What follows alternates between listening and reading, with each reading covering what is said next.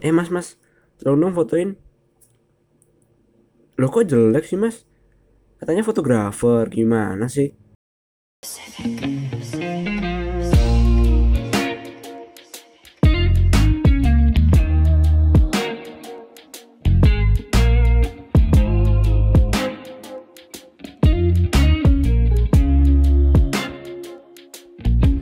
Selamat datang kembali di Syahida Show episode ke-7 Sama saya Syahida Alam Apa kabar? Semoga kalian selalu diberi kemudahan oleh Tuhan Yang Maha Esa. Amin.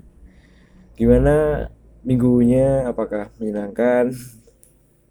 Apakah banyak tugas? Atau mungkin ada yang mau uas? Tetap semangat. Dan jangan lupa belajar. Eh, Oke, kali ini aku bakal ngomongin tentang fotografi, sebuah hal yang sangat dekat dan sangat sering dikaitkan dengan aku. Eh, ada beberapa poin yang akan aku omongin kali ini.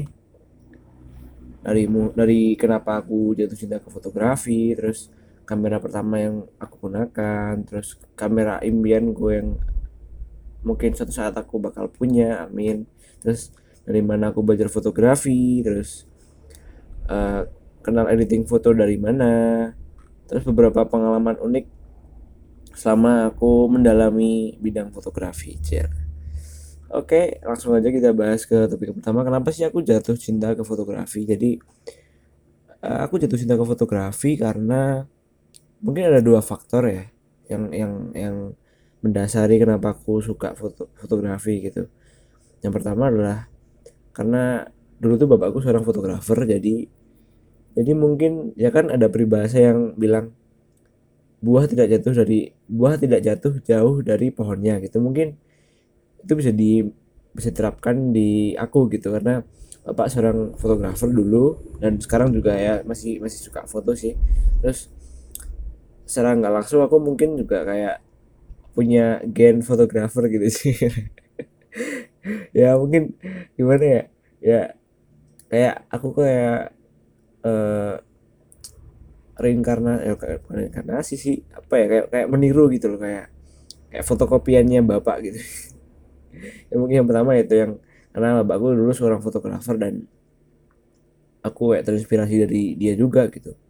Terus yang kedua karena asik sih kayak ya gimana ya kalian pasti punya punya kegiatan yang kalian lakuin karena cuma ya emang asik asik aja gitu. Kayak kalian gak butuh alasan lain untuk melakukan itu kayak kayak contoh misalnya contoh misalkan kalian main game gitu. Main game kan nggak ada apa ya nggak ada alasan lain yang harus so, so, so- apa ya sophisticated itu loh. Ya emang asik aja gitu kalau main game. Nah sama halnya dengan fotografi untukku gitu karena ya emang asik. Terus eh, mungkin juga karena kayak kalau kalau fotografi kan apa ya kayak semua orang tuh punya punya punya kemampuan untuk punya kemampuan untuk ambil foto gitu. Asal kalian punya HP atau harus harus kamera harus, harus kamera mahal gitu. HP aja yang yang ada kameranya kan juga bisa menciptakan foto dan dan mendalami fotografi gitu. Mungkin itu sih yang yang yang bikin aku jatuh cinta ke fotografi karena yang pertama asik yang kedua mudah gitu mudah untuk dilakukan dan yang ketiga karena Ali bapak bapakku dulu seorang fotografer dan aku pengen menyamai atau bahkan lebih levelnya dulu gitu. Terus ya eh, kamera pertama yang aku gunakan tuh dulu aku masih inget banget waktu aku kelas 6 kelas 5 atau kelas 6 SD gitu aku dibeliin kamera eh, pocket Sony Cybershot. Harganya mungkin sekitar kalau nggak salah sekitar satu juta kurang seribu aku aku dulu waktu beli kayak wow gitu. Wow kamera gitu. Akhirnya punya punya kamera sendiri gitu kan. Ya walaupun walaupun sekarang kameranya udah nggak ada tahu ke mana tapi dari kamera itu aku belajar kayak oh gini kalau kalau foto pakai foto pakai flash sama foto pakai nggak pakai flash tuh bedanya gini toh. Terus kalau misalkan foto kalau ISO nya sekian terus uh, exposure-nya sekian tuh kayak gini tuh bedanya gitu. Ya kayak basic-basic itu yang yang yang yang ya sangat-sangat basic sih belum belum masuk ke komposisi belum masuk ke apa pun. Cuma kayak ngulik-ngulik settingan gitu doang sih sebenarnya. Terus hasil fotonya pun nggak nggak apa ya nggak bagus-bagus amat gitu. Namanya juga masih anak kelas lima kelas lima enam SD gitu kan. Udah bisa udah bisa ambil foto udah alhamdulillah gitu. Terus uh, waktu masuk SMP temenku punya kamera Canon waktu itu. Terus aku dipinjemin suruh pakai gitu kan. Dan itu kamera DSLR pertama yang aku pakai dan setelah itu sampai sekarang aku pernah udah pakai beberapa jenis kamera DSLR yang lain mirrorless juga udah pakai kayak kayak Canon, Sony, Nikon dan dan semua kan punya apa ya semua semua merek kan punya spesialisasi sendiri sendiri gitu. Dan kalau menurutku sih yang yang paling favoritku ya Canon lah tetap kalau di hati itu Canon. Uh, terus uh, di beberapa bulan lalu ya nggak beberapa, beberapa minggu yang lalu aku aku memutuskan untuk membeli kamera analog. Uh, mereknya Akica harganya murah sih cuma 150 ribuan uh, kenapa aku mau beli kamera ini? Karena kayak aku tuh pengen aku tuh suka apa ya style vintage style gitulah.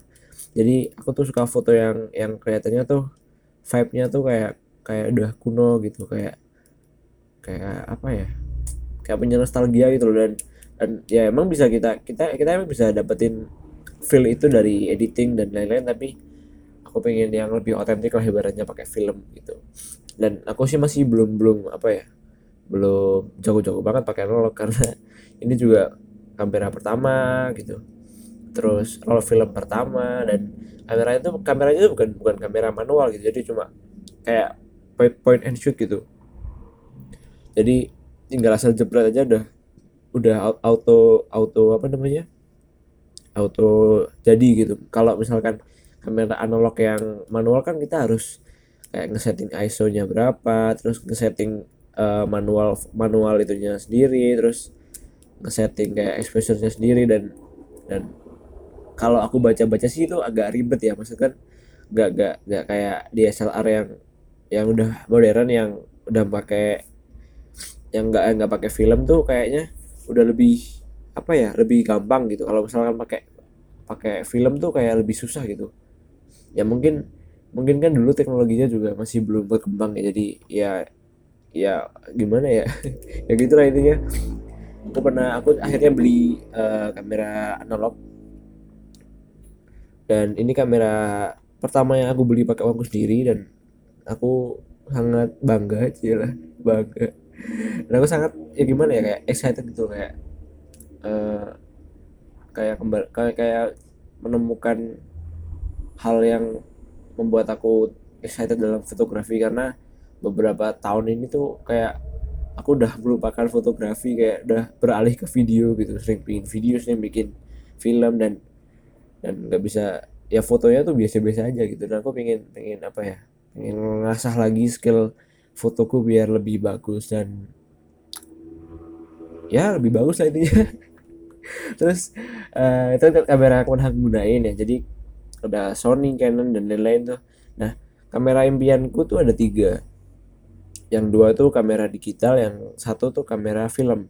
Yang pertama kamera yang digital pertama tuh uh, adalah Canon 1DX Mark II uh, itu kayak udah apa ya top topnya kamera lah kalau buat kalau buat Canon.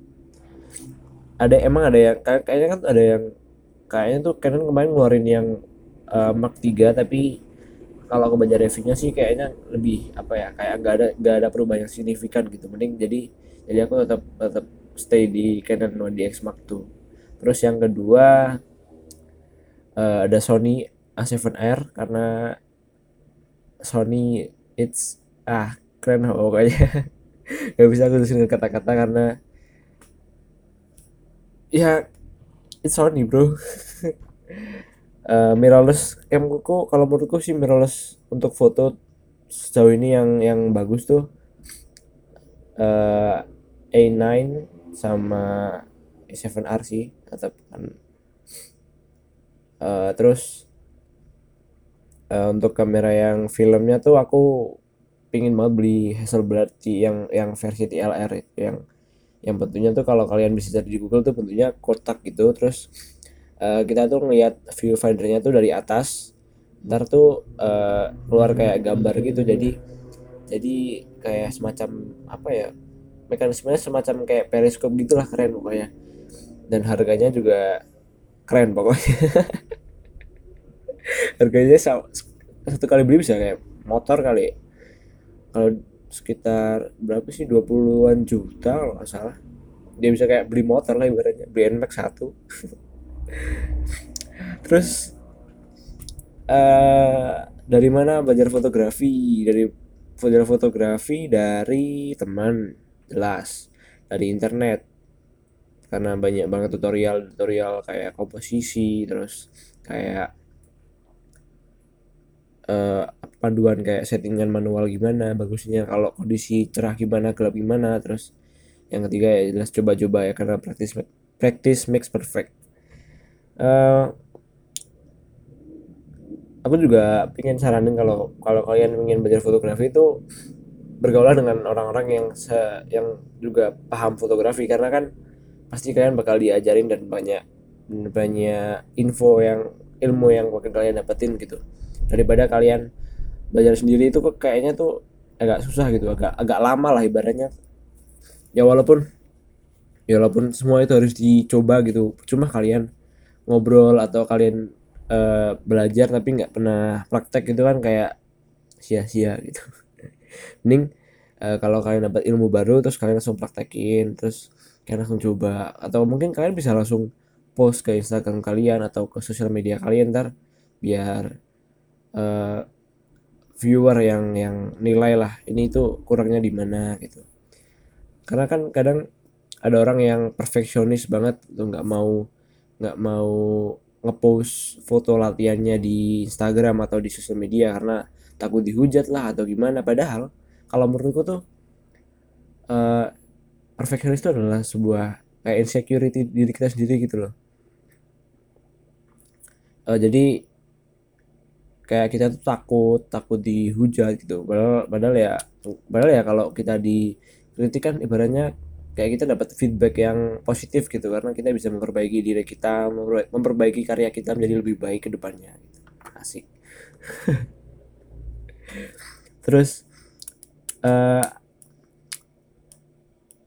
dalam foto juga kan kadang uh, misalkan kalian setting warnanya tuh kayak kurang kurang gimana gitu. Kalian pengen dapat warna yang teal and yellow gitu kayak kayak, kayak selebgram selebgram gitu. Atau minimalis yang cuma putih sama hitam atau cuma monoton gitu. Monoton? Mono monot ya monoton. Satu satu ton. Terus pasti kan pernah apa ya punya punya temen yang jago banget editing foto yang kayak uh, tuh kayak feed Instagramnya tuh kayak ketata gitu. Satu tone semua. Misalkan hitam putih hitam putih semua. Terus kalau pastel pastel semua. Nah aku juga per aku juga mulai mendalami editing foto terutama untuk mengatur warna gitu-gitu karena menurutku sangat apa ya aesthetically pleasing lah kalau misalkan kita lihat fit yang tertata rapi. Ya walaupun ya walaupun beberapa orang kayak bodo amat sama fit mereka gitu ya nggak masalah gitu. Karena karena kan gak semua orang gak semua orang peduli dan ya emang gak semua orang harus peduli juga sih kalau menurutku tapi kalau misalkan tertata tuh kayak kelihatannya tuh kayak lebih kalau dilihat tuh lebih bagus gitu lebih lebih menarik gitu. Uh, ada beberapa beberapa software yang aku gunain. Dari pertama kali edit tuh kayak pakai Picasa dulu. Picasa dari Google tuh kayak cuma filter-filter nah, salah terus yang kedua Photoshop. Mungkin kalian juga bingung kalau kenapa aku pakai Photoshop buat ngatur warna. Jadi kalau Photoshop tuh lebih kayak aku pakainya buat dulu itu pakai Photoshop buat kayak ngatur eh bikin efek-efek kayak mozaik gitu-gitu kayak coba-coba bikin mozaik kayak mungkin uh, jelek sih maksudnya. Ya kan dulu masih masih coba-coba gitu bikin mozaik terus bikin kayak kayak apa ya kayak efek kayak lukisan-lukisan gitu kayak apa ya jelek lah pokoknya. Terus masuk yang lebih serius kayak pakai Vesco pakai Lightroom dan dan baru serius editing ya pakai Lightroom itu sih pakai bener-bener bener-bener apa ya mempelajari kayak curve-nya gimana terus settingan exposure bla bla bla terus ada kayak hue saturation luminance-nya gimana buat ngatur uh, warna dan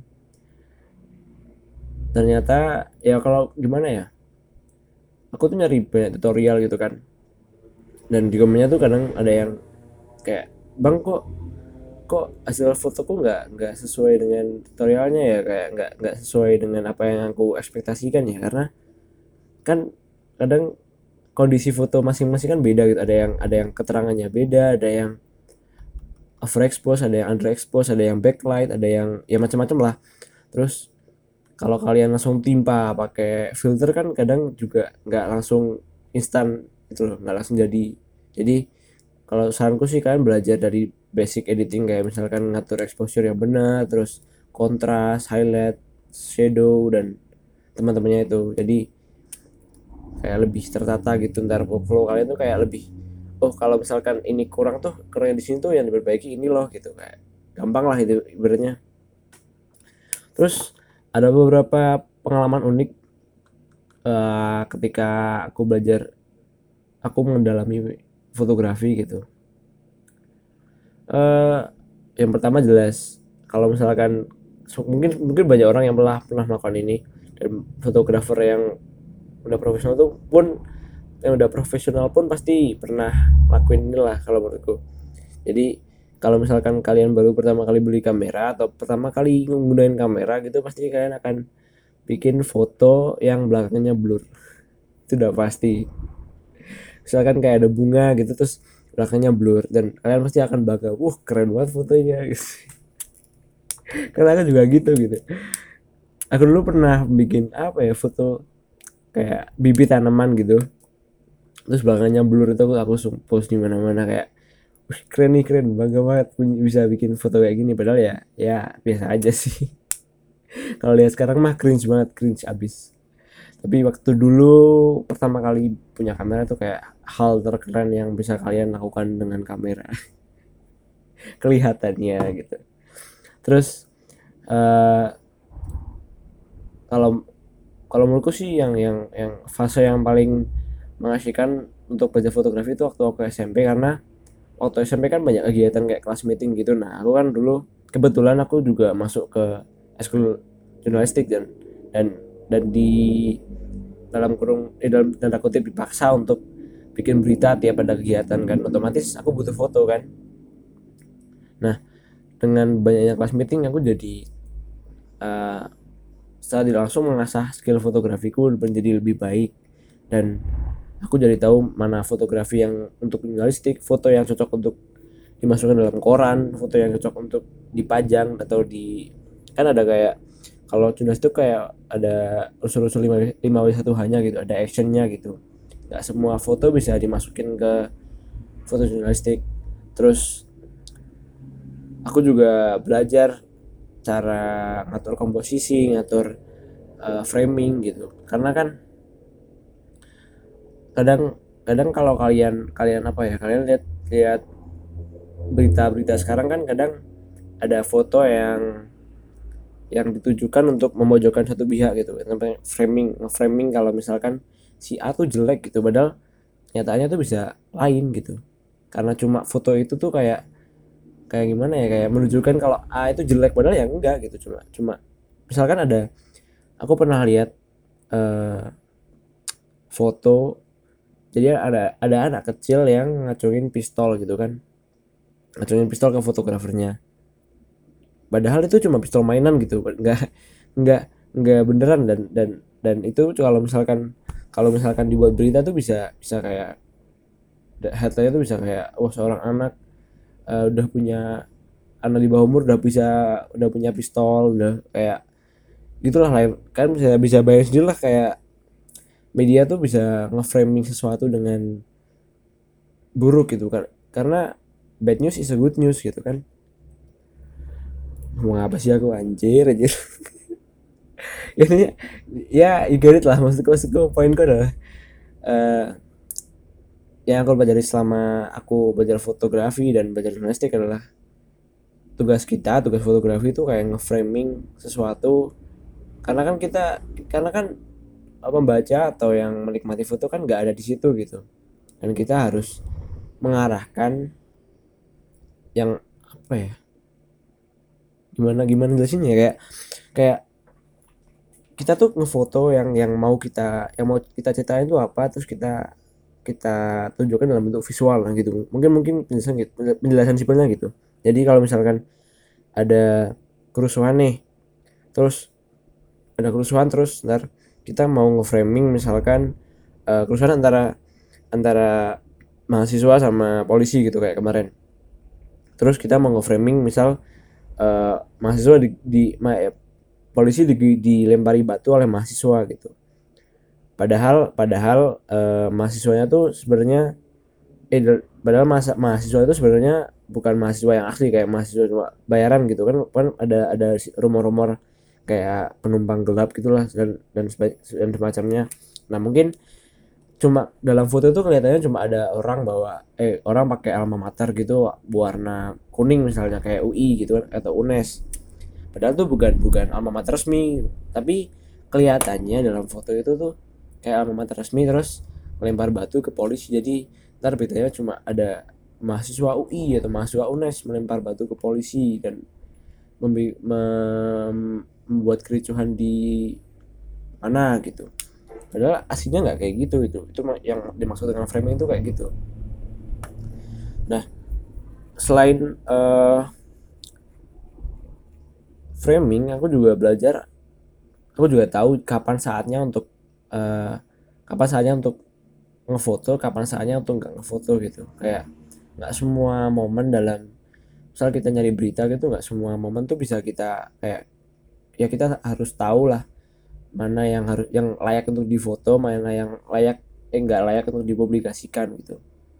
Kan kita dalam dalam dalam meliput berita kan kita juga berinteraksi dengan orang lain kita juga harus uh, menghargai perasaan orang lain gitu loh. Kalau misalkan mereka keberatan untuk didokumentasikan kan kita juga nggak bakal ya seharusnya sih nggak nggak nggak mendok mendokumentasikannya gitu kalau menurutku.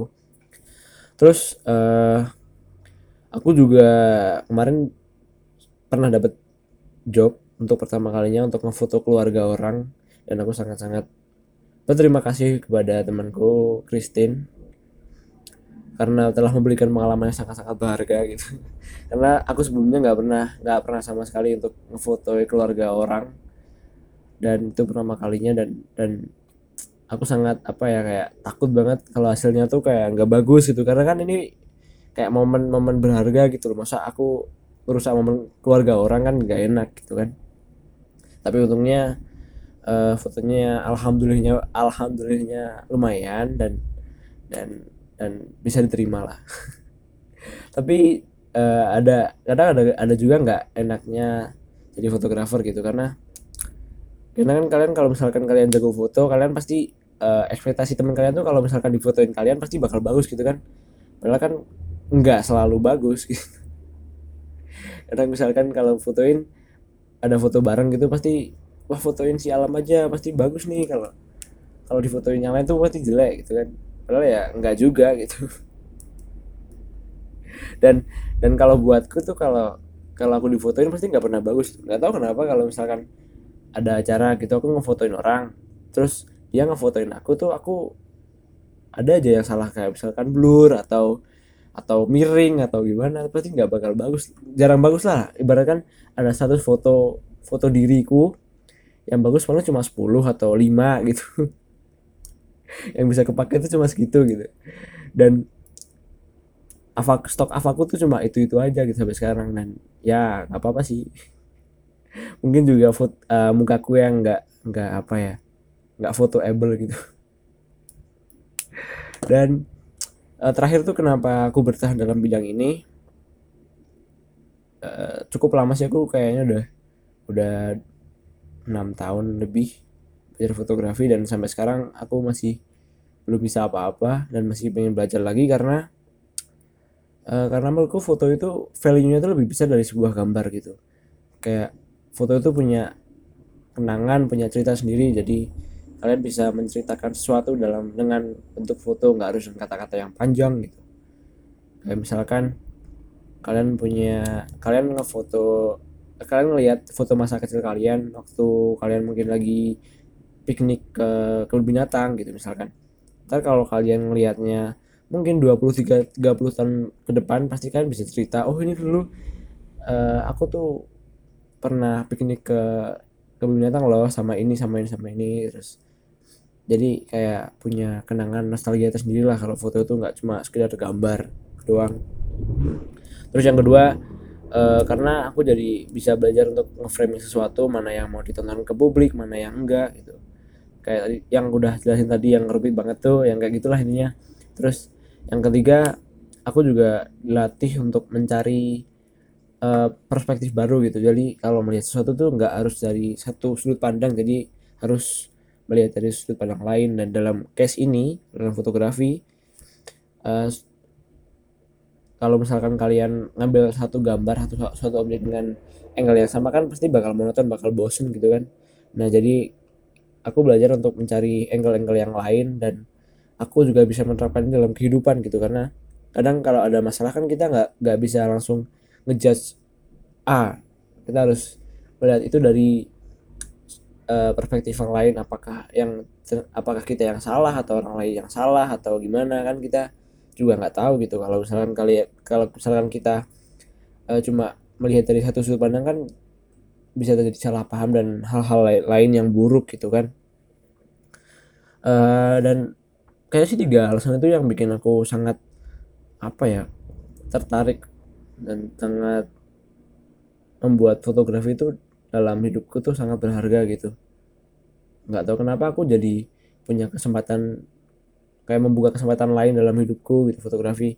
Kayak misalkan aku bisa ikut lomba aku bisa ikut uh, punya teman yang lebih banyak di fotografi. Dan semoga sih kalian bisa ngambil sesuatu dari episode ini ya lah episode cuma cerita ngalor ngidul gak jelas but anyway uh, kayaknya cukup untuk episode kali ini episode 7 semoga kalian mendapatkan sesuatu hal. Kalau mendapatkan ya syukur kalau enggak ya ya ya nggak apa-apa. Nama aku Alam. Dadah. We keep this love in a photograph.